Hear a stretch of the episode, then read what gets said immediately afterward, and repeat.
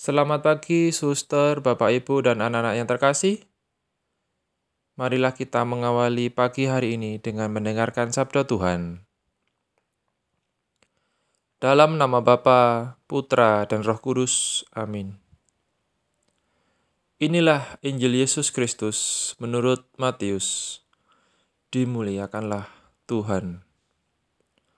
Kemudian Datanglah murid-murid Yohanes kepada Yesus dan berkata, "Mengapa kami dan orang Farisi berpuasa, tetapi murid-muridmu tidak?"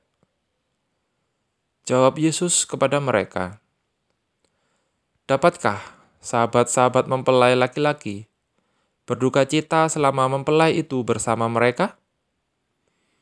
Tetapi waktunya akan datang, mempelai itu diambil dari mereka, dan pada waktu itulah mereka akan berpuasa.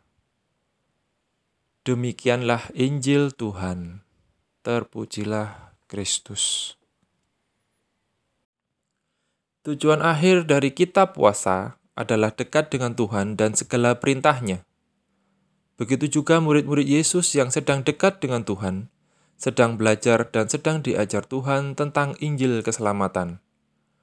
Murid-murid Tuhan juga sedang berpuasa namun tidak dengan arti harafiah. Puasa yang dimaksudkan murid-murid Yesus adalah berusaha berhenti berbuat dosa, berhenti melakukan kebiasaan buruk yang merusak diri dan sesama, dan juga berbela rasa dengan meraja dan menderita, lapar, haus, sakit, dan terpojokkan dalam kehidupan bermasyarakat.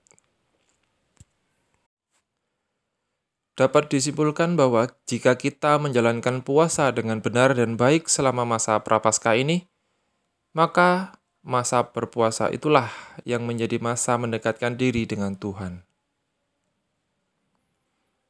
Marilah kita berdoa. Tuhan Yesus, jauhkanlah kami dari segala yang jahat dan tuntunlah kami agar semakin dekat dengan Engkau. Amin. Dalam nama Bapa, Putra, dan Roh Kudus. Amin.